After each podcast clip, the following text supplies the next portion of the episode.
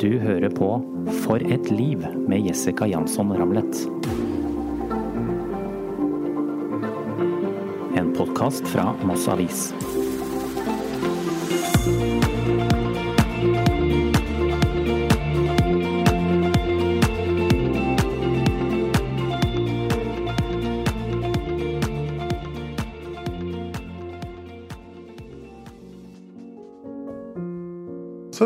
Går jeg bortover i den tunnelen og det er kjempefint. Så tenkte jeg at dette her er jo fantastisk. Så om jeg dør nå, så er ikke det så gærent. Jeg har fått gjort mye her i livet og har fem barn og jeg har barnebarn. Og så går jeg framover, og så ser jeg foran en svær hvitmalt benk. Og Der sitter det da en person, ser ut som en mannsperson med langt, svart hår. Og så tenker jeg at i all verden, Jon, skal du få treffe Jesus?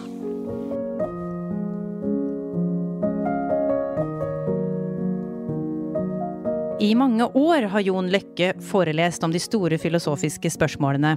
Men så sviktet hjertet hans, og en stund svevde Jon mellom liv og død. Opplevelsen ga høyskoledosenten et nytt perspektiv på livet. Takk for kaffen. Bare hyggelig. Her er det veldig koselig å sitte hjemme hos eh, Jon Løkke blant eh, Det er mye planter, Ja, det er mye kunst. Koselig med litt sånn Det er penner og ting og tang og mye headset og Ja, det er koselig. Det er koselig ja, ja, her. er- Jeg tror det er et sånn norsk begrep. At det er koselig. Har du gjort det bevisst her hjemme i rekkehuset, Jon? Eh, Jeg har alltid vært interessert i kunst. Eh, Så jeg har samla kunst siden jeg var eh, ung. Mitt første studielån i 1982 brukte jeg halvparten av det på kunst. Hva? Yes. Oi, det er nok ikke Kjøpte et svært maleri av Liv Ørnvald, som er en av yndlingskunstnerne til dronning Sonja. Oi! Ja, så jeg kjøpte. Jeg tror jeg betalte 18 000 kroner. Det var masse penger den gangen. Har du det bildet fortsatt, eller? Nei, det gikk med i en brann som var i dette huset. Det brant opp. ja, vet du hva? Vi har mye å snakke om. For om man sier liksom, Hvis du forteller at huset har brunnet ned, og jeg allikevel sier at vi skal begynne å snakke om noe annet, Ja, ja, ja, ja, da forstår man at det har skjedd litt i livet ditt. ja, du sitter jo i et hus da som brant ned tredje juledag 2016.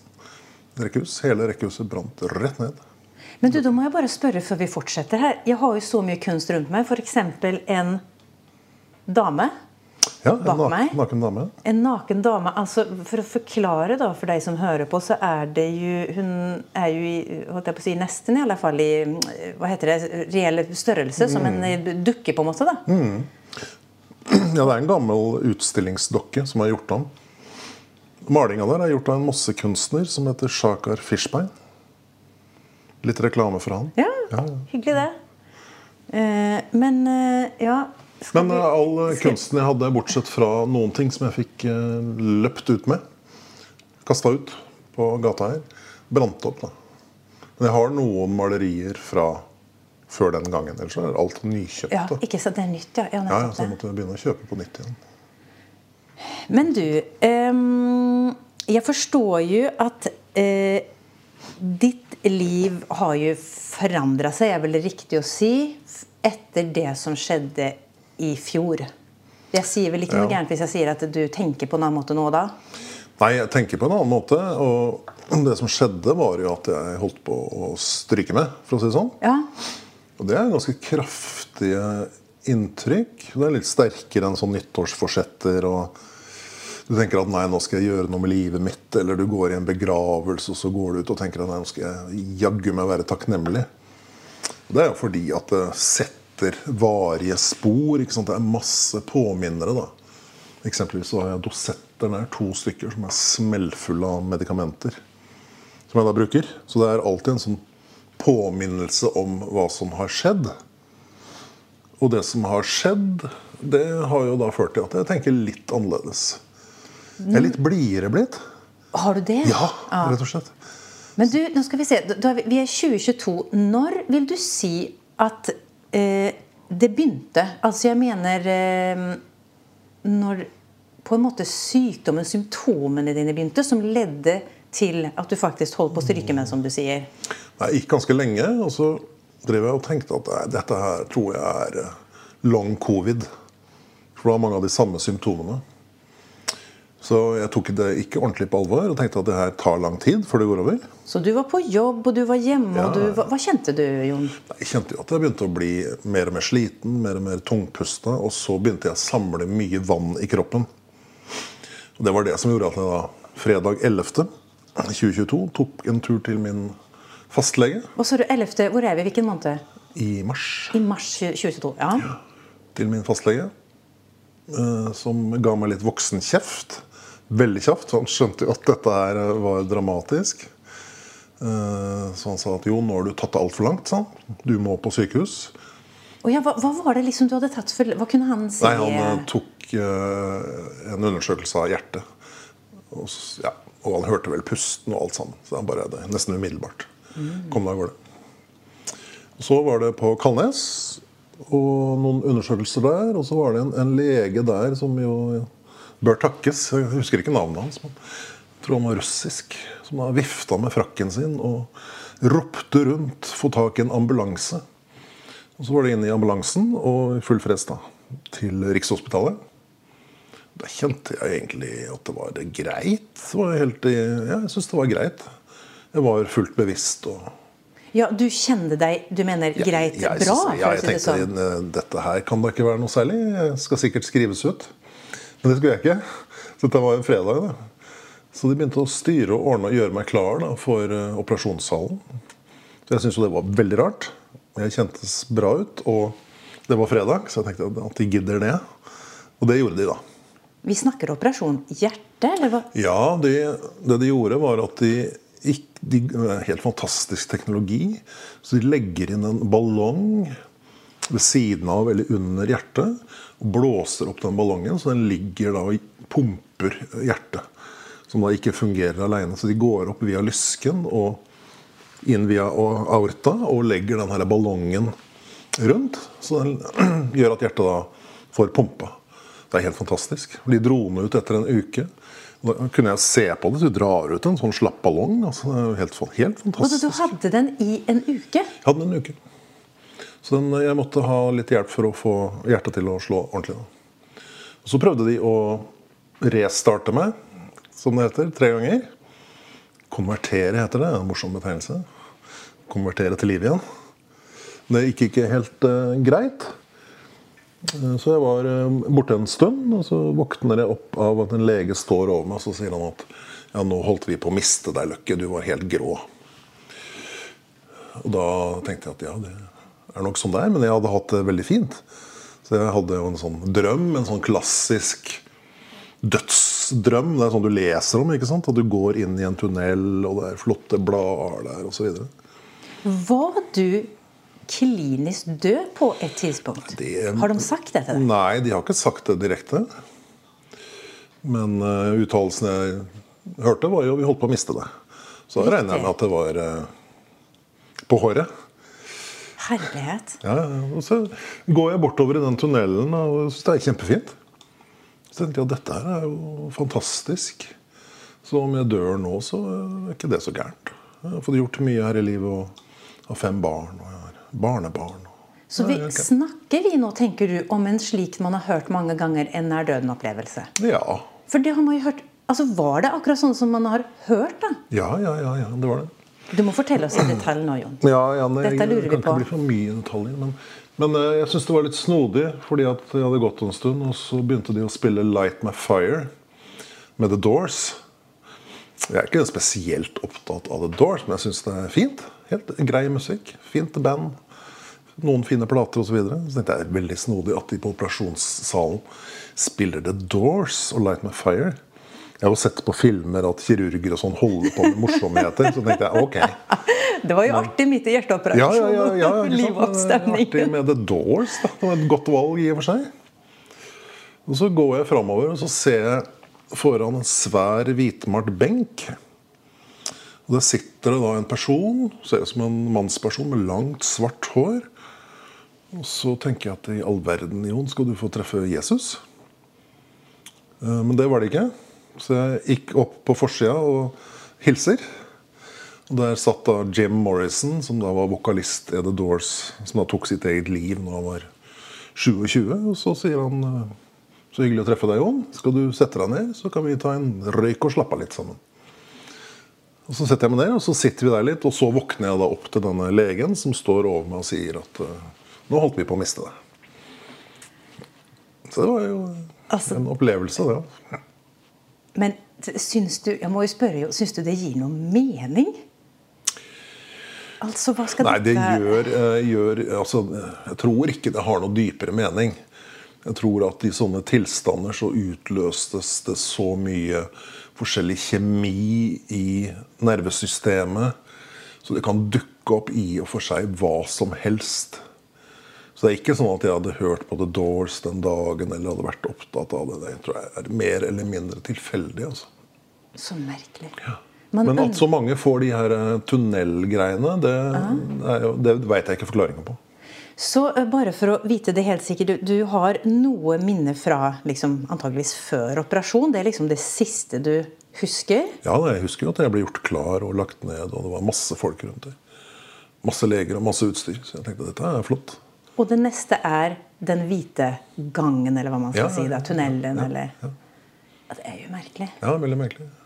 Men man skulle jo nesten holdt jeg på å si, ønske at det skulle være noe mening. Eller hva tenker du? Nei Man vil jo gjerne at det skal være noe mer. eh, Ja, folk holder jo på med det. Men jeg tenker vel mer at det er en idé å finne noe mening i det livet som er her og nå, da.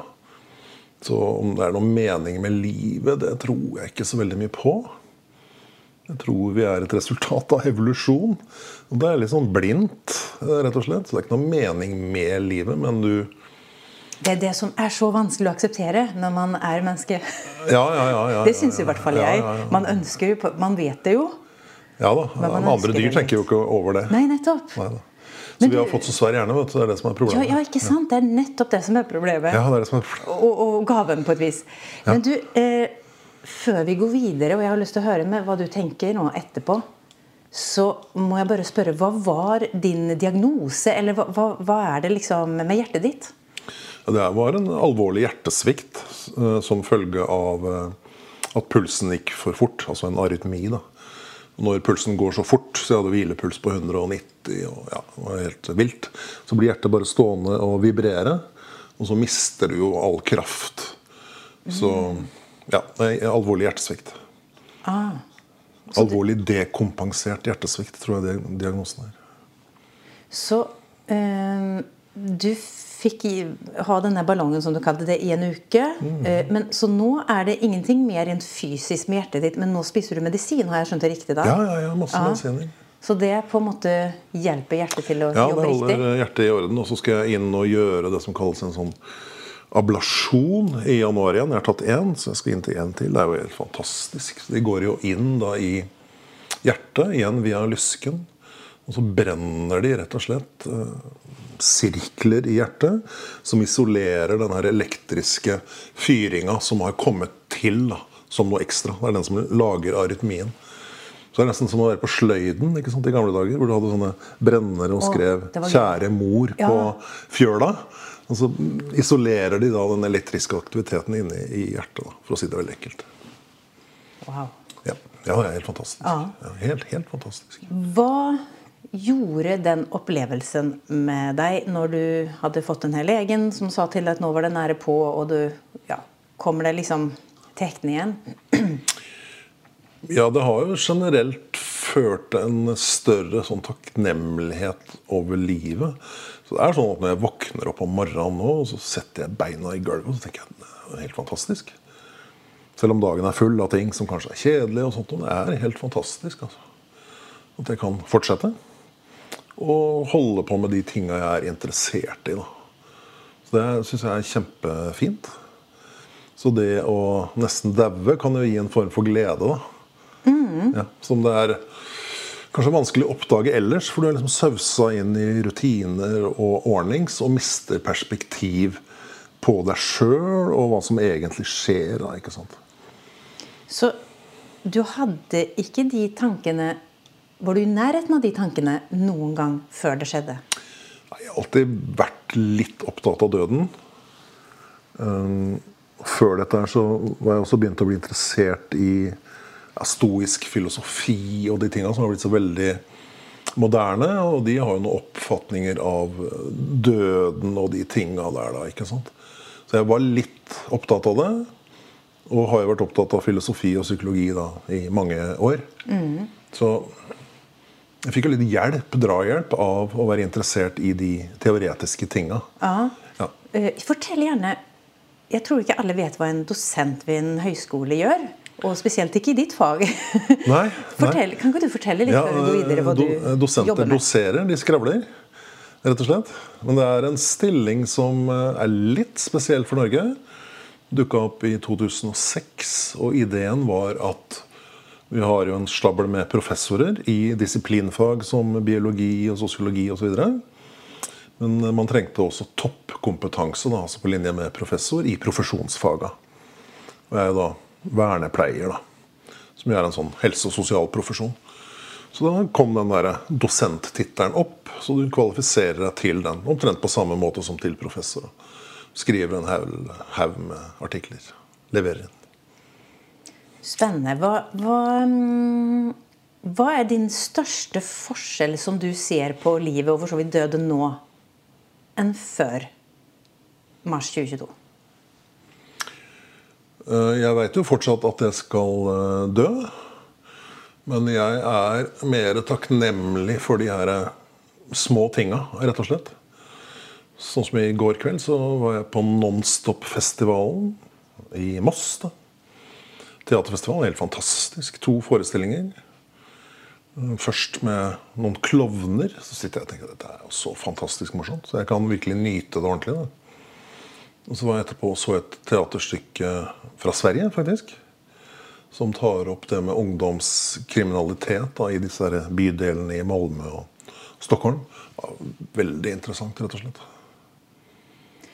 Ja, er det det at du ja, det er mer i stand til å nyte det. Ja, ja, ja. Men, for, for, jeg tenkte, kan man ikke også tenke man, Det er så deilig å være litt ubevisst om døden sin også, hvis du skjønner hva jeg mener. For iblant kan man jo komme inn i en tankegang Det kan jo være litt tungt å tenke på det vi alle vet, liksom, at vi skal dø en gang. Ja da. Hva tenker du rundt det, Jo? Nei, det er jo sånn at uh, Jeg har en stund vært opptatt av det med mindfulness. da. Så alle er opptatt av det. ikke sant? Mindfulness. Det er sånn mote blitt. da med en del baksider. En bakside er jo at noen oppfatter mindfulness som å ha det behagelig, som å slappe av. Å sitte på en eller annen hotell med en tekopp. Det er jo ikke det det dreier seg om. Det er jo å få klarhet i livet. Å være her og nå, da. Og Alternativet til å være her og nå er jo at du er enten for mye i fortid, det som har skjedd, mm. eller for mye i framtid. Mm. Og døden ligger ved framtida. Så det er klart at hvis du bruker mye tid på å gnukke på at du skal dø, så er du ikke her og nå. Da går du jo glipp av de tinga som skjer, da, og som kan være fine. Alt fra teaterforestillinger til mat, til gode relasjoner med familie osv. Så, mm. så jeg har blitt mer fokusert. Og jeg oppdager hyppigere at jeg enten driver og gnukker på noe som har vært, eller gnukker på noe som kanskje kommer. Oh ja, du, liksom, du, du, catcher deg selv i de tankene, mente du det? Ja, ja det er det som er meditasjon. ikke sant? Ah. Meditasjon, Definisjonen på meditasjon er jo at du f.eks. da sitter med pusten som uh, anker for meditasjonen. Mm. Og så sitter du og puster, og så vil du på et eller annet tidspunkt ramle ut av det. Mm. Og f.eks. tenke på noe som har vært, eller hva du nå skal gjøre på fredagskveld, hva du skal til middag osv. Og, og da er meditasjonspoeng å oppdage at du tenker på noe annet. Og så da med vennlighet og uten for mye evaluering vende tilbake igjen. Så meditasjon er jo en slags form for tørrtrening på å oppdage at du ikke er her og nå, men et annet sted. Og så vennlig vende tilbake igjen. ikke sant? Så dette er jo et livsprosjekt som dreier seg om stadig flere situasjoner og anledninger til å vende tilbake til her og nå. da. Og tenke klart over det som skjer. Begynte du med det Har du begynt med det nå? Etterpå? Nei, jeg hadde begynt du eh, før, Ja. så jeg Ah. tok en sånn mindfulness-instruktørutdanning. Men det var før dette her skjedde. Så jeg var jo litt på sporet av den Ah. Ja. type greier. da Hva gjør den mindfulnessen med, for deg liksom, i ditt liv? Nei, jeg prøver å ha en sånn meditasjonspraksis gående. Kort eller lang. Noen dager så får jeg til bare noe kort. Uh, andre ganger litt lengre, da. Ja, hvor lenge mediterer du da? Ja, 20 minutter. Ja. De korte er ofte en variant av noe som kalles for memento mori-meditasjon. Memento mori betyr 'husk at du skal dø', rett og slett. Så det her er jo et sånt gammelt utsagn fra Når krigsherrene kom hjem til eh, Roma, så ble de jo kjørt rundt i Forum Romanum. Og da sto det en slave bak med den her kransen av laurbær og hviska inn i øret til krigsherren 'memento mori'. Altså husk at du skal dø, ikke bli for kjepphøy. Det er jo egentlig greia. ikke sant? Ro deg ned, ta deg sammen. Fokuser på det som er viktig i livet. Ikke begynne å tenke på alle de seirene du skal ha. Ta det som er viktig. viktig. Det har utvikla seg utover eh, til da en meditasjonsform som Dette blir veldig enkelt, da. Men eh, den starter ut med at du går gjennom ting i livet ditt som er viktig. Smått og stort. Det kan være din gule jakke eller tommelen du bruker nå til å sette mot hverandre. Og så velger du en av de tinga, og så er det egentlig en oppstart med vanlig sånn pusting noen minutter. Rolig, dyp pusting. Så tar du for deg f.eks. tommelen. ikke sant? Ja, jeg er takknemlig for at den finnes. Hvis den ikke hadde vært her, så hadde det gjort det vanskelig å sitte sånn som du gjør nå. Drikke kaffe, kjøre motorsykkel osv. Så, videre. så det er jeg takknemlig for. da. Går helt i det lille, Helt i det måte, lille. men som egentlig er Som jo er kjempeviktig. Ja, faktisk. Ja, ja, Da har jeg oppdaga mange ganger at det er sånn det er. Ja, ja, ja. Det her kan jo også misforstås eh, i retning av at eh, ok, du er opptatt av tommelen din, men det er faktisk krig i Ukraina. Kanskje du skal våkne opp litt. Eh, og det er jo noe av problemet med de her veldig sånn individualistiske tilnærmingene som meditasjon og mindfulness kan være, eller stresshåndtering eller sjølivaretagelse. At det peker så kraftig inn på egne egenskaper som du skal utvikle. Bare i det du sier det som du skal utvikle, som du bør utvikle, så ligger det en forventning der som du selvfølgelig noen ganger ikke klarer å leve opp til. Da. Mens eh, livet ja, vårt da, og livet mitt da, i det tilfellet her, er jo selvfølgelig også styrt av ting på utersida. Så hadde det ikke vært for min eh, lege her i Moss og den russiske legen på Kalnes og de på Rikshospitalet, så hadde jeg vært død. Hadde det ikke vært for de medisinene, så hadde det gått dårlig. Så jeg, livet mitt blir jo bra med en hel haug sånne hjelpemidler og støtte. ikke sant? Som jeg nevnte, så var jeg på Nonstop-festival i går og så på det teaterstykket da, om ungdom i Sverige da, som går løs på hverandre. Altså 13-åringer som dreper. Det er jo svære bydeler hvor alt av offentlige instanser har flytta ut. Du finner jo ikke en bankautomat der engang. ikke sant?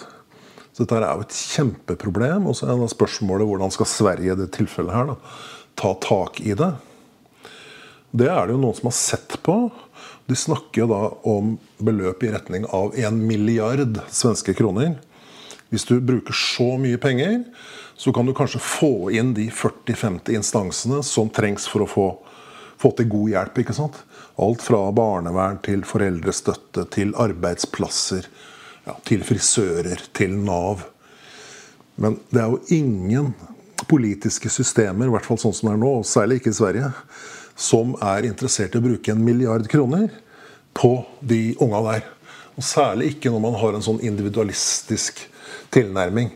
Det er folks skyld. Folk må ta seg sammen. Folk må finne sin egen kraft osv. Så, videre. hvis du tenker sånn individualistisk, så går det dårlig med mange folk. Rett og slett. For du øhm, eh, Jeg har lyst til å høre litt Jo, hva du tenker om det når vi kommer inn på det nå. Eh, noen mener at alt er valg i livet. Men det er ikke du enig i. Nå er vi jo liksom inne litt i det. Kan du si litt om eh, eh, Vi kan ta for eksempel, Nå kom jeg på. Eh, du sier jo det at det er legen Takket være legen, ikke sant? Men det var jo ditt valg å gå til legen på det tidspunktet du gjorde. Ja da, det går an å snakke sånn om det. Ja, for, for si litt hva du Men, tenker rundt det. Er det, ikke noe, det ikke noe i det at man, at man velger i livet? Jo da, det, det, er det. Men da må man ikke glemme alle de her betingelsene for, for valget. Unnskyld. Uh, jeg har i mange år vært opptatt av f.eks. folk med autismespekterforstyrrelse. Og folk med ADHD. Unger. Og vi er jo relativt sikre på at de har et litt annet nervesystem noen vil si at det er et unormalt nervesystem. Jeg vil si at det er en menneskelig variant. Men noe av problemet er jo at hvis du er født med den varianten, så er det vanskelig å finne en nisje i samfunnet som gjør at du kommer i jobb, f.eks. Men det at du er født da med et nervesystem som gjør at du får diagnosen autismespekterforstyrrelse, det kan du jo ingenting for. Det kan du ikke velge. Du kan heller ikke blame dine foreldre, for du må enda lenger tilbake i tid. ikke sant? Men her er jo problemer som langt på vei er samfunnsskapte. Det er sånn at de egenskapene, de variantene som personer med autisme har, f.eks. Ja, evnen til å tenke svart-hvitt, eller for å si det mer positivt, til å være konsentrert. Ja, hvorfor kunne man ikke brukt det? Eller unger med ADHD, som jo varierer litt for mye. Ja, hvorfor ikke ta utgangspunkt i at den variasjonen er noe bra? Det skyldes jo strukturer som samfunnet skaper, og retorikken vi bruker rundt. ikke sant? Hvis du da havner i de posisjonene der, ja, så er det vanskelig å liksom si og ta deg sammen. altså. Hva um, tenker du om din egen situasjon der, da? Som, du var litt inne på det, men som du havna i der med Mm. Med hjertet og liksom livet og døden og alt etterpå liksom, i forhold til det? Ja, jeg kan jo da støtte meg på at det er et helsesystem som stort sett eh, funker ganske bra. Jeg har en familie som er der. Jeg har en bakgrunn som staten har betalt. De har betalt all utdanninga mi. Eh, som jeg kan bruke. Jeg har kollegaer som jeg kan snakke med. Jeg har gode venner. Hvis du begynner sånn, så er det ganske mm. mange betingelser som ligger rundt. Jeg sier jo ikke nå at personlige egenskaper ikke har noen betydning. Du kan trene det opp. Men i vårt samfunn så er det en tendens til å peke altfor kraftig på at individet må ta seg sammen. ikke sant? Det er sjølutvikling. Det er hele den der sjølhjelpslitteraturen som peker på deg. Mm. Ja, har du, du, har ikke tro på det? Hvis jeg Nei, jeg tror det er feil. Det er rett og slett feil. En feilslutning. Det er ikke sånn vi funker. Vi funker ikke som sånne avgrensa enheter med sånne egenskaper. Vi fungerer i sammenhenger. Livet er prosesser. Vi endrer oss. Så det er ikke hva vi er, først og fremst. Det er mer sånn hva vi kan bli dersom vi kommer inn i gode prosesser. Og det er vi helt avhengig av. Men du tror jo på meditasjon. Ja, ja. Så en viss type Ta stressmestring, f.eks. Som det, er jo, det er jo det veldig mye handler om, synes jeg, når du sier selvhjelps... Mm. Om det er en Instagram-konto eller hva det er, så handler det om roe ned. Men der tenker du at der kan man jobbe med seg selv for å få litt mer her og nå-følelse, da? Ja, du kan jobbe med deg sjøl. Men det er ikke sikkert at det er der du skal begynne. Så sett nå at du er i en arbeidssituasjon som er sånn at du jobber ikke 40 timer i uka, men 60. Og du får ikke betalt for det. Det bare kreves av deg. Og du har en sjef som er litt sur og gretten. Du har små unger. Ja, en hel haug sånne ting. Du har dårlig økonomi. Så kan det jo hende at det hadde vært lurt å se på de betingelsene der først, eller samtidig med at du gjør noe for deg sjøl. Men hele sjølhjelpslitteraturen glemmer jo alt det andre. Det er du som skal endre deg og lære deg stressmestring. F.eks. via meditasjon. Men det jeg sier, er at det er en del av pakka. Og vi peker for hardt på den delen av pakka og glemmer alle de tinga som dreier seg om økonomi, makt, hvordan samfunnet er organisert osv. Politikk. Det er egentlig en litt sånn farlig utvikling, altså. Jeg tenker, hva må si, jeg tenker også på um, um, Det kan jo være at det slår over at man havner i en slags offerordion. Har du tenkt på det? At man på en måte tenker at man ikke har noe At man kjenner maktesløshet. da. Mm.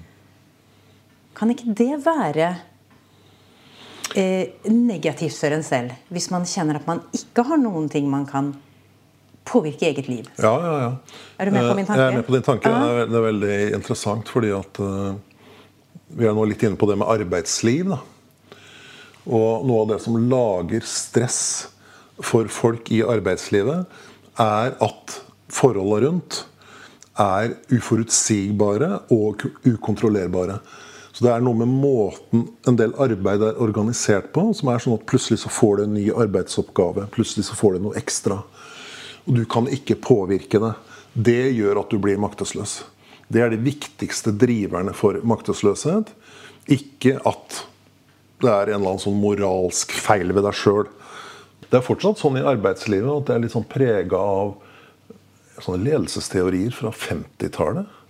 McGregor er en sånn gubbe som skrev om teori X og Y. Det er liksom to typer arbeidstakere. Det er X-ene, og det er de late og dumme og de som ikke tar initiativ. Og så er det Y-ene da som styrer seg sjøl. Men det er mye organisering i arbeidslivet som litt skjult da, har en sånn type X-orientering. Folk må styres, det må være strategiske planer. Folk må kontrolleres.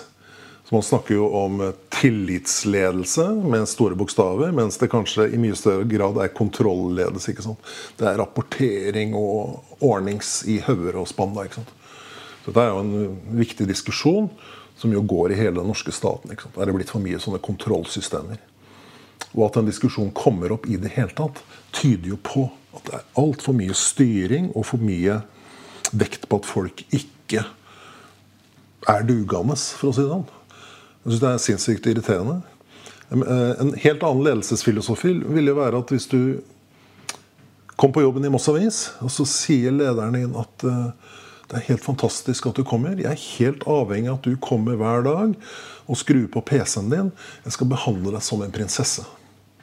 Det, du, det, hadde vært saker, det. Det hadde vært saker, ikke sant? Så det at du nå sier at det hadde vært saker, tyder på at det ikke er sånn. Og Hvis eh, arbeidsgiveren din i tillegg hadde sagt at det du sier, er det som er viktig for meg som sjef. Det er liksom å snu det helt på huet. Det er forferdelig enkelt å tenke seg at det kunne være sånn, men det er ikke sånn. Men eh, nå må jeg jo si bare sånn eh, fordi jeg har verdens beste Ble du irritert? Beste... Nei, nei, nei, nei, ikke i det hele tatt, Jon. Eh, men jeg må, føler at jeg må jo si at jeg har verdens beste arbeidsplass. Ja, ja, ja. Eh, jeg tenkte mer sånn å bli handla som en prinsesse hver dag. tenkte jeg, Tror du det er tingen? Ja, det tror jeg. Jeg tror at den jobben du har da, som uh, journalist og radioprater Du tar jo de fleste initiativene sjøl, regner jeg med. Det er ingen som har fortalt deg at du skulle snakke med meg. Det har du funnet ut av sjøl. Mesteparten av jobben din finner du ut av sjøl. Sånn sett så er det jo all grunn til å behandle deg som en prinsesse. Du er 99% av innsatsfaktoren til Moss Avis. Moss Avis er helt avhengig av at du kommer på jobben, skrur på PC-en og setter i gang. Og reiser til Østerøre. Det burde de takke deg for og behandle deg som en prinsesse for. Ja, altså, men jeg tenker... Og why not? Hvorfor ikke? Ja da, nei da, jeg er med deg. Men jeg tenker at når du sier prinsesse, så tenker jeg kanskje litt sånn gammeldags at uh, man behandler uh, At man kan få et stort oppblåst ego, da. For det fins mange måter å gi tilbake slik at man føler man får nok i en arbeidssituasjon. da, eksempel, Dette kan jo være i en, en parforhold òg. At man gir nok frihet, eller at man gir altså, andre goder. da. Ja, ja, ja, absolutt. Men du, jeg har lyst til uh, Når du sier det her med uh, Jeg tenker litt tilbake nå på stressmestring og meditasjon, og hvordan man møter livet. Uh, jeg tenkte f.eks. når jeg kjørte hit i dag tidlig, så var det en bil som lå veldig tett oppi rumpa på meg. Eh, men det var biler foran, så jeg hadde ikke noe Det, var en gitt situasjon, kunne ikke kjøre fortere. Men jeg, det kom noe tuting etter hvert.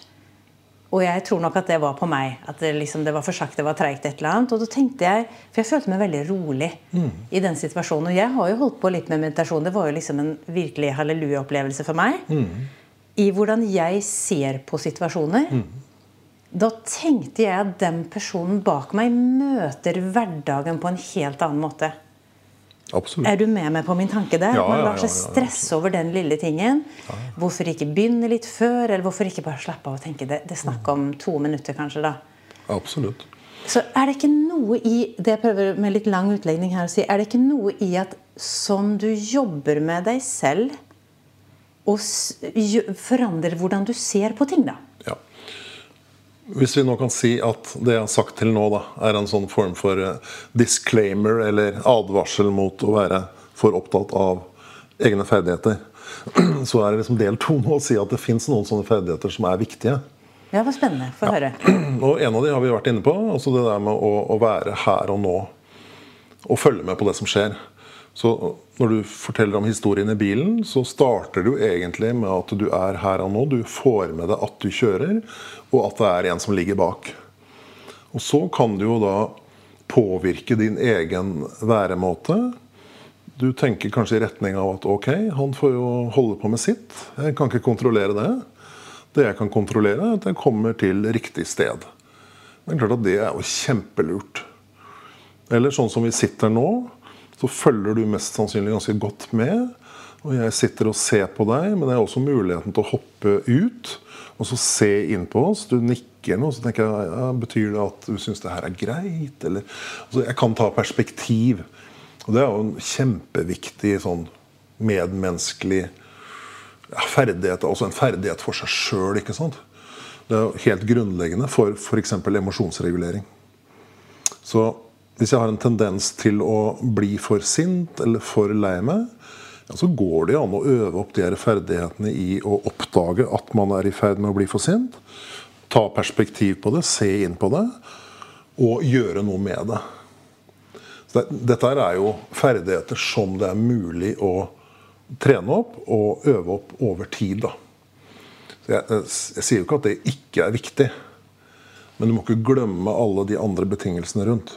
Nei, Så, så det er jo egentlig det å fortelle folk om de her ferdighetene som vi er i gang med nå, som jo er jobben min. da. Å lære opp folk til å håndtere seg sjøl og andre. da.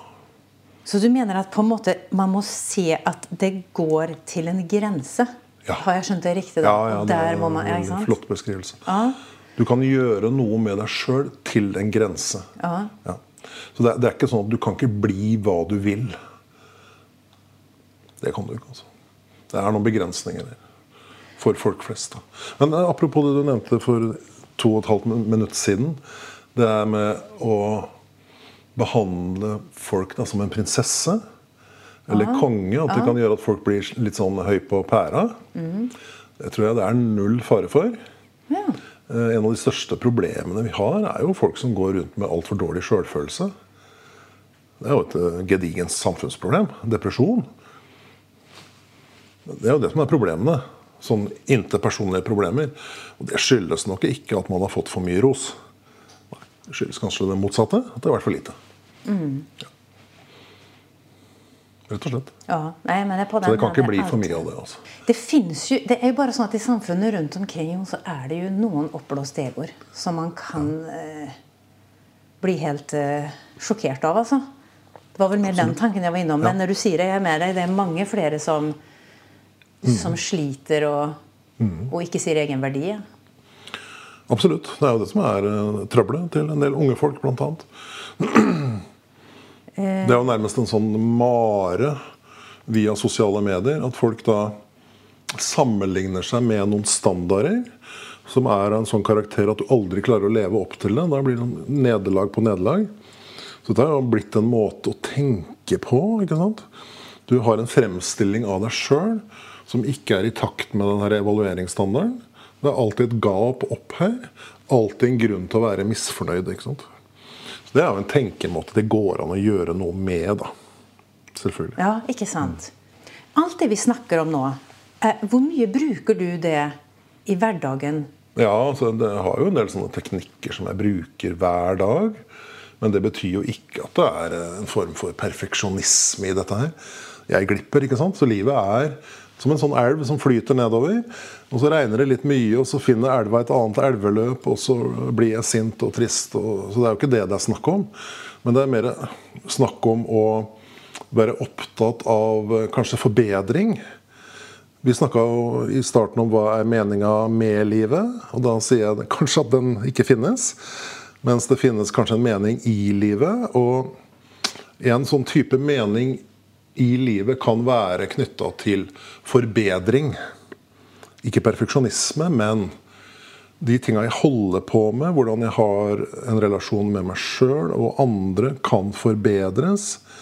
Jeg kan sette meg inn i nye ting, jeg kan lage litt bedre mat. Jeg kan få mer ut av kunst og kultur.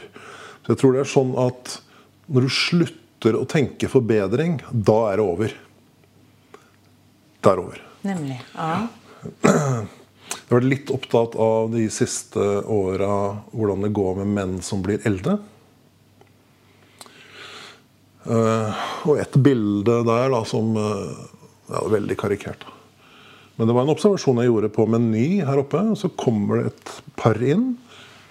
Og jeg har da dikta opp et lite narrativ her.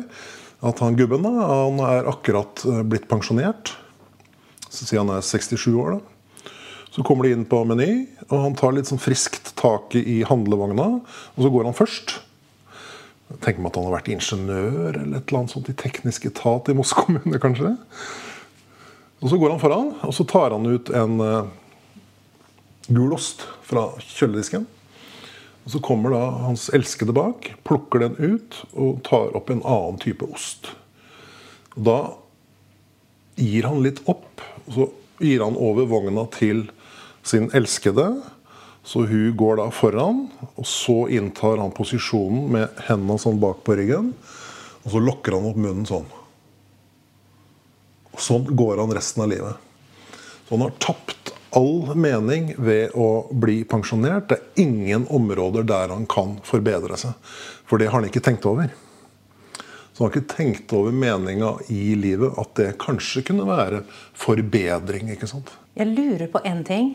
Og det er om du noen gang selv har vært eh, deprimert eller langt ned i tankene i livet? Mm. Det har jeg. Kan jeg spørre om når det var? Ja, Det har vært flere perioder hvor det har vært noen sånne harde trøkker. Og det er klart, når huset brant ned her, så var jo det problematisk, rett og slett. Det var det. Men også da så hadde jeg jo en mulighet til å støtte meg litt på det jeg kan. Rett og slett. Jeg visste jo da at Du hadde litt verktøy allerede? Ja, jeg hadde litt verktøy. ikke sant? Så det er jo, og det er fordi at staten har betalt lang utdanning for meg. Så jeg har lært mange lure ting. Så en av de tinga jeg visste, var at siden jeg var inne i huset her og fløy inn og ut og prøvde å redde noen malerier og litt sånt noe, naken. Uh, masse røyk. Så folk sto da og ropte 'du må komme deg ut', Jon, så ikke blir røykforgifta. Det kom ut tidsnok til å ikke bli det. Men da, da, visste jeg jo at dersom jeg ikke forholder meg til den situasjonen, så kan jeg utvikle angst, f.eks. Uh, og en måte å motvirke det på, det er jo å eksponere deg for det. Så i flere uker etterpå så gikk jeg jo ned hit, og ikke rundt på tomta her. Jeg var her hver dag når de reiv. Eh, det var også sånn at jeg hadde flere tusen bøker som jo brant opp. Men det brant ikke i min kjeller. Der hadde jeg en ganske stor andel av bøkene. Så den dagen da de holdt på å rive, så fikk jeg muligheten til å krabbe inn i kjelleren. Så jeg tok meg noen svære gummistøvler og krabba inn i kjelleren. Og fikk ut ganske mange av de bøkene. De var jo ødelagt, da. Men jeg fikk de ut. Eh, Sånn at jeg kunne ta bilde av de og, ja, i forbindelse med forsikringa. Men det å hoppe inn i kjelleren her da, og gå rundt i bøker som fløt, bilder som fløt rundt det er jo en dramatisk form for eksponering, men det, jeg tror det gjør at jeg nå da kan leve godt med å bo her, f.eks. Mm. Det vet man jo at folk som har vært med på alvorlige husbranner, de orker jo ikke å bo på det samme stedet. Så jeg har jo noen sånne verktøy som er knytta til den jobben jeg har. da. Jeg er veldig glad for å, å bruke det. Ja, det forstår jeg. Jeg syns flere burde tenke sånn også. For hvis eh, jeg hadde vært snekker, ja, da hadde jeg jo snekkere i huset mitt. Men da, siden jeg er opptatt av psykologi og filosofi, ja, hvorfor ikke bruke det som en slags snekker? Filosofisnekker eller psykologisnekker. ikke sant? Så det går jo an å hjelpe deg sjøl. Det er jo et problem med en del av psykologien, at den er så innretta på patologi eller at folk er sjuke. Så psykologi er noe du bruker for å hjelpe folk som er helt på jordet. ikke sant? Veldig mye av psykologien dreier seg om alle folk. Sjuke eller friske. Det er jo tilhengere av en sånn type psykologi. Da, som, det er ikke en psykologi for de gale. Er en psykologi som gjelder alle. Deg og meg og de gale. Og Det gjør at du kommer i en posisjon til å hjelpe deg sjøl. I tillegg så gjør det jo at du får en eh, annen type innstilling til folk da, som faktisk er sjuke. Nemlig at det kunne vært meg. Ja, Under de samme betingelsene ja, så kunne det faktisk vært meg som har gjort de her tinga. Ja, for her er du jo inne på det at man eh, faktisk kan hjelpe seg selv. Og jeg er helt med deg, for det, vet du hva jeg har tenkt på? Jo mer, man kan jo si, du vet Leger som sier man har googla før man kommer til legen, og så har man diagnosen ferdig. Men det er jo så utrolig mye kunnskap i å vite mer om psyken sin. Absolutt. Ikke sant? At man forstår bare f.eks. hjertebank, symptomer, alle de tingene liksom når man blir redd. Og jo mer man vet, så roer det seg jo. Ja, og det som jo er interessant, det er at mange av de tinga som brukes i moderne terapi, har vært kjent i flere tusen år. Så vi har vært inne på det med mindfulness. Det er lange røtter tilbake til sånn sekulær buddhisme. Eller de her gamle stoikerne, da, 2000-2500 år tilbake. De var jo f.eks. opptatt av at som menneske så bør du gjøre en ryddejobb. Du bør rydde opp og lage en haug av de tinga du ikke får gjort noe med. Og så er det det du får gjort noe med. Og det her er jo helt i overensstemmelse med moderne psykologi som snakker om aksept. Så hvis det har skjedd ting med det, så er det en, en prosess med å akseptere det i betydningen at hjernen fungerer nærmest som en sånn radiomottaker. Det kommer signaler inn som du ikke har bedt om. Plutselig så husker du et eller annet ubehagelig. Og så er spørsmålet hvordan skal du håndtere det? Ja, jeg får ikke gjort noe med det. Det kommer bare. Istedenfor å prøve å skyve det unna, så er det en sånn akseptprosess. da. For øvrig så er jo det med å skyve unna også sånn gammel buddhisme. Det er to ting som lager trøbbel i vårt liv. Det er at vi skyver for hardt ting som er ubehagelig, og da bare gror det på seg. Eller vi drar ting for hardt til oss. F.eks. en ny telefon. Og dagen etter så er den jo litt ripete og ikke fullt så fin lenger. Så ting er forgjengelig, da. Så poenget mitt er jo at i de her gamle både filosofitradisjonene og, og ja, religiøse tradisjoner så fins det jo kunnskap som du kan finne igjen i moderne psykologi. Det er ikke for å underkjenne moderne psykologi, men det er egentlig å si at eh, folk kan egentlig ganske mye om psykologi og kan hjelpe seg sjøl dersom de tenker seg om. Rett og slett. Det syns jeg er interessant. da. Men så skjer jo da også interessante ting i psykologien som vi ikke visste så godt fra før av, eller som er en spesifisering av det vi har en hunch på. Da. Så det er en, all grunn til å studere psykologi. Jeg tror jo at vi må eh, snakke litt om den brannen. For jeg tenker, Den som sitter og hører på oss, Jon, tenker hvorfor snakker de ikke om, det? Kan du fortelle oss hva, hva som skjedde? Altså Nå har vi jo snakka om hele livet, og etter det så har, har, du på et tidspunkt nesten stryket med. Så det blir jo liksom litt snodig å nevne en brann bare nesten i forbifarten. Men altså, tredje juledag for ca. sju år siden Ja, sitter nå 2016. 16, eh, og vi sitter nå i en rekkehusleilighet, tre etasjer. Tre etasjer, ny, nybygd. nybygd. Ja. Ble kjempeflott. Ferdig i 2018.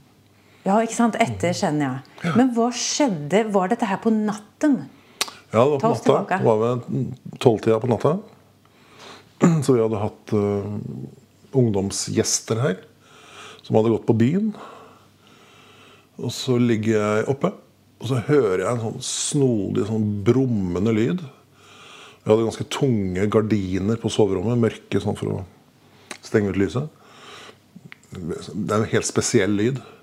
Og så slår jeg opp gardinene, og så bare slår flammene inn. Ja. Eh, Da ble jeg liksom satt litt ut av spillet. Men jeg klarte å konsentrere meg, sånn at jeg fikk sjekka at ikke det var noen av barna på rommet her. Visste jo egentlig at de hadde dratt ut, men, Ja, men bare ble litt sånn. satt ut av spill. Altså. Og Så gikk jeg ned her, og her nede var det ikke noe brann. Og heller ikke kjelleren, så jeg begynte jo da å ta ut ting, bl.a. et maleri som hang der. og Nede i kjelleren. Og Så det var liksom utenfor vinduet ditt det kom? på en måte? ja, så det mistenkes jo at det kom fra taket. da. Ja. Men det ble jo ikke oppklart. Ble henlagt eh, veldig kjapt. Brant ut som bare det. Så du fikk rafsa med deg noen ting og kom deg ut, og sen Hvor kjapt gikk det før det brant her vi sitter nå? Nei, det var i løpet av noen minutter. Spredde seg kjempefort. Så da kom jo brannvesenet, og så var det jo egentlig bare å få det til å brenne kontrollert ned. Mer eller mindre. Hva, altså Det med aksept var jo spennende, som du snakka om nettopp. Hvordan er det liksom da eksempel etter en så Ja, egentlig begge ting. Du har jo vært med om to store omveltende ting i livet. Hvor lett har det vært liksom å akseptere at ja, det brant huset mitt ned til grunnen? Nei, det, altså, det er jo i aksept, da. Det, det er jo sånn at Mange av de her orda blir jo notorisk misforstått. ikke sant? Sånn som mindfulness. At det da skulle dreie seg om å ha det deilig. Det er jo ikke det det er snakk om. Det er snakk om klar tanke. Og den klare tanken kan jo noen ganger være deilig, og andre ganger ikke deilig. Det, er ikke det som er poenget. Poenget er å være her og nå og klar. Og Det samme gjelder jo aksept. Eh, Det går an å misforstå det i retningen av at du liksom resignerer, nærmest. Det er om å gjøre å resignere, gi opp. Men det er jo ikke det som er saken her. Saken er nettopp at det finnes ting her i livet jeg ikke har kontroll på. Og den vanlige måten å møte det på, er jo å prøve å få det vekk. Så folk som da har angst eller depresjon, eller hva det måtte være, forsøker jo ofte iherdig å få det vekk. Enten da helt enkelt å riste på hodet. Nei, jeg orker ikke å tenke på det. Skal vi snakke om noe annet? Eller sjølskade seg, eller ruse seg, eller spille. Så det er mange varianter av å få ubehag vekk på. Det mest vanlige, og som folk kjenner til, er jo det som kalles for prokrastinering. Altså utsette krav fra i dag til i morgen. Så du kunne jo utsatt den samtalen her til mandag. Du hadde funnet på noe mer morsomt å gjøre i dag. Man, man tar liksom kontrollen gjennom å bygge mur rundt seg på et vis. På alle merkelige måter. Ja, du, du skal- utsetter, Ja. rett og slett. Og det som er morsomt, er jo at dagen i dag så har du en åpning for å snakke med meg. Så tenker du at nei, jeg ringer og sier at jeg er sjuk eller et eller annet sånt. noe. Tar det på mandag. Og da er det akkurat som du later som om at mandagen er lik fredagen. Som om du hadde kontroll på mandagen, men det har du jo ikke. Da kan du skjønne annet. Unga dine kan bli sjuke, eller du kan bli sjuk. Men du, når du utsetter, så er det nærmest sånn at du tror at den dagen du utsetter til, er lik dagen i dag. Hvis du tenker deg om, så har du ikke kontroll på det. Du veit ikke det. Så ca. 70% kanskje så mye, av norske studenter driver jo med å utsette, altså utsettelsesatferd. Og det er drevet av det vi snakker om nå, altså at det ligger noe ubehagelig i forkant. Forventning om å levere et eller annet, lest et eller annet, delta på et eller annet. Og så utsetter man. Og Det som er så fascinerende her, det er at i det du utsetter, i det du ringer og sier at 'nei, dessverre jeg er sjuk' osv. til sjefen din i Moss Avis, så er det akkurat som det ramler en sånn bør av skuldrene dine. ikke sant? Du kan kjenne det sånn Og det der kliner jo inn i nervesystemet. Det er jo sånn nervesystemet er bygd opp. Vi reagerer på de her umiddelbare konsekvensene. Selv om du veit at det her er uheldig for deg. Det bare baller på. ikke sant? Og Det samme er jo med ubehagelige følelser og tanker. Vi kan få de vekk der og da ved å ta en drink eller gjøre et eller annet annet. Men det baller på seg. Så det blir enda flere situasjoner over tid der du utsetter fordi at det virker der og da. ikke sant? Så Det er jo eksempler da på å stikke unna. Alternativet er jo aksept.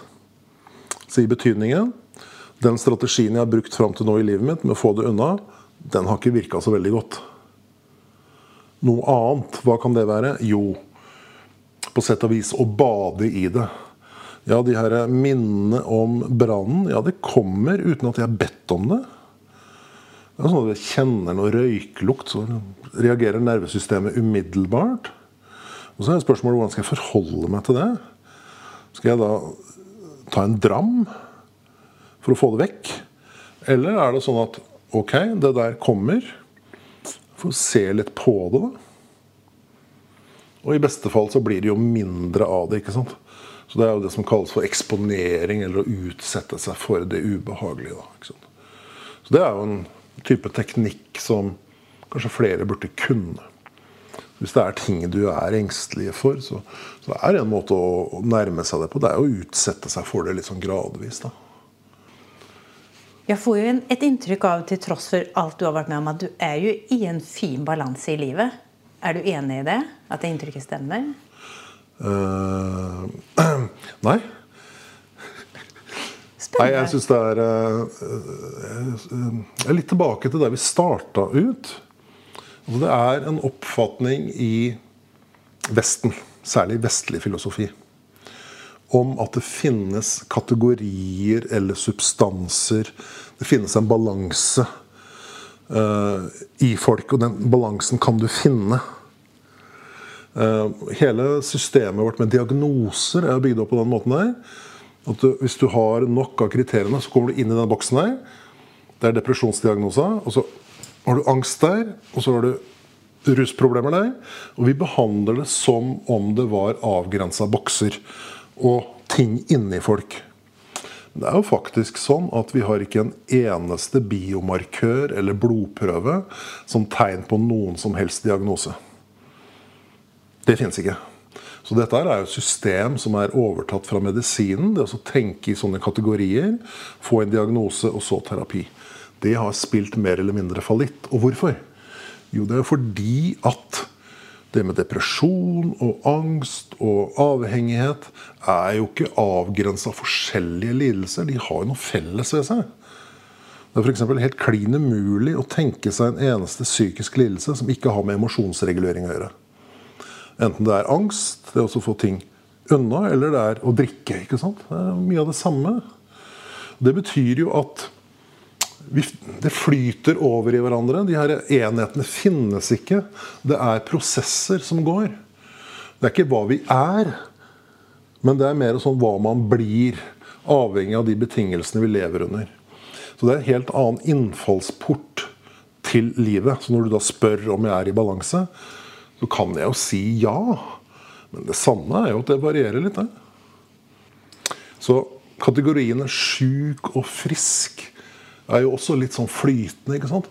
Og også nyttig når du snakker med folk som er i en sånn kategori, og snakke om det litt sånn flytende. Ja, du har fått en angstdiagnose, men kan vi nå se litt på de tinga som faktisk går bra, og når dette ikke dukker opp? Kanskje ikke det er så firkanta som du tenker. Liksom en helt annen, annen innfallsport til terapi også. Ikke tenke det sånn fast. Mm. Og når du sier da 'komme i balanse', så er det litt sånn fast. Eller 'finne seg sjøl'. Som om det er helt sånn fast. Men det er jo en deilig følelse Jon, å kjenne seg som at man er i balanse. Du er med meg på den tanken? Ja, ja, ja. I noen dager så kjenner man jo seg mer i balanse enn andre. Og det er fine dager. Ja, det er fine dager. Men spørsmålet er om det er sant. Det er en annen ting, da. Du, har, vi har snakka om så mange ting, og jeg har fått så mye å tenke på under denne episoden. Jeg tror jeg kan si med trygghet at du har en, en, eh, en eh, måte å se på livet som Jeg tror ikke alle har tenkt over de tingene her. Og så kan man bli litt sliten av det òg. Er du med Ja, på ja, det? man kan bli litt sliten. Man, man, man, man vil ha det, for det er veldig spennende. Og så må man kanskje ta en liten hvil. Ja. Hvile hjernen litt. Og Ja. være bare i hverdagen litt. Ja, ja, ja. ja, ja. For du må det òg, ikke sant? Ja, jeg at det, ja, men jeg liker å høre på det, for det er alltid et eller annet som er lurt der. Man må liksom ha Nå holdt jeg på å si balanse, men det tør jeg ikke si.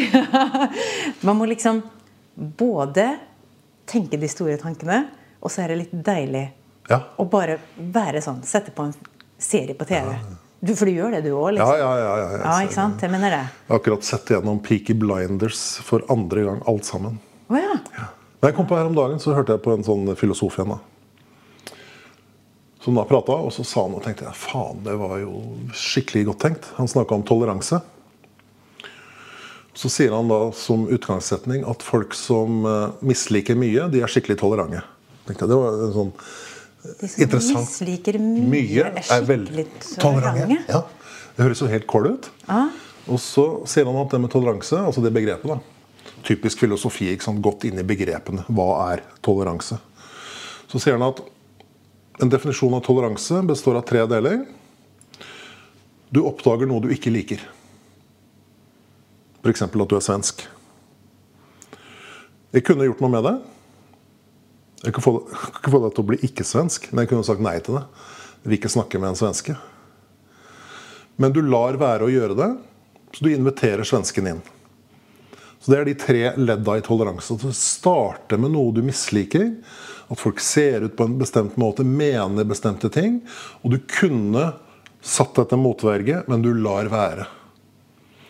Så folk som er veldig tolerante, de har da mange ting de reagerer på. Det er så morsomt. altså. Det er fantastisk. Ja, vet du hva? Den lar vi Den kan lytterne få fundere på. Ja, ja, ja. Er ikke det fint? ja, ja, ja. Det må jeg fundere på selv. ja, ja. Tolerante folk de misliker mye. Aha. Tusen takk for alt du har delt. Fy søren, du har vært med. Ja, veldig hyggelig å få Det er jeg som er blitt invitert hjem til deg. Og hyggelig å få høre alt du tenker. Og hyggelig, eller eh, interessant, at du fortalte alt fra livet ditt. Så fint.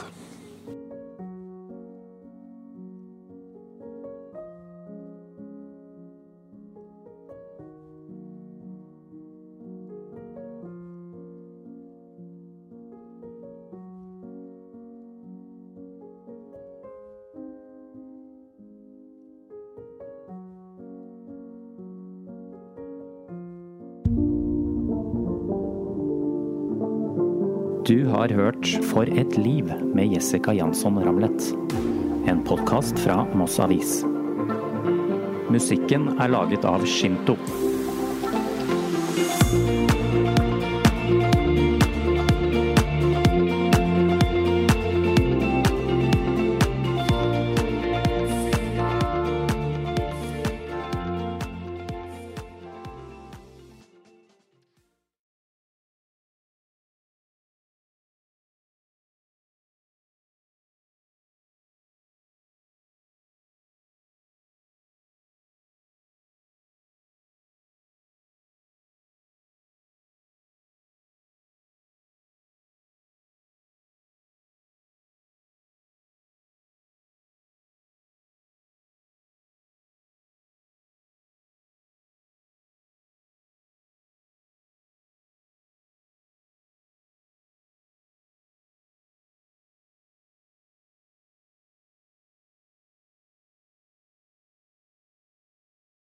Har du et enkeltpersonforetak eller en liten bedrift? Da er du sikkert lei av å høre meg snakke om hvor enkelt det er med kvitteringer og bilag i fiken, så vi eh, gir oss her, vi. Fordi vi liker enkelt. Fiken superenkelt regnskap.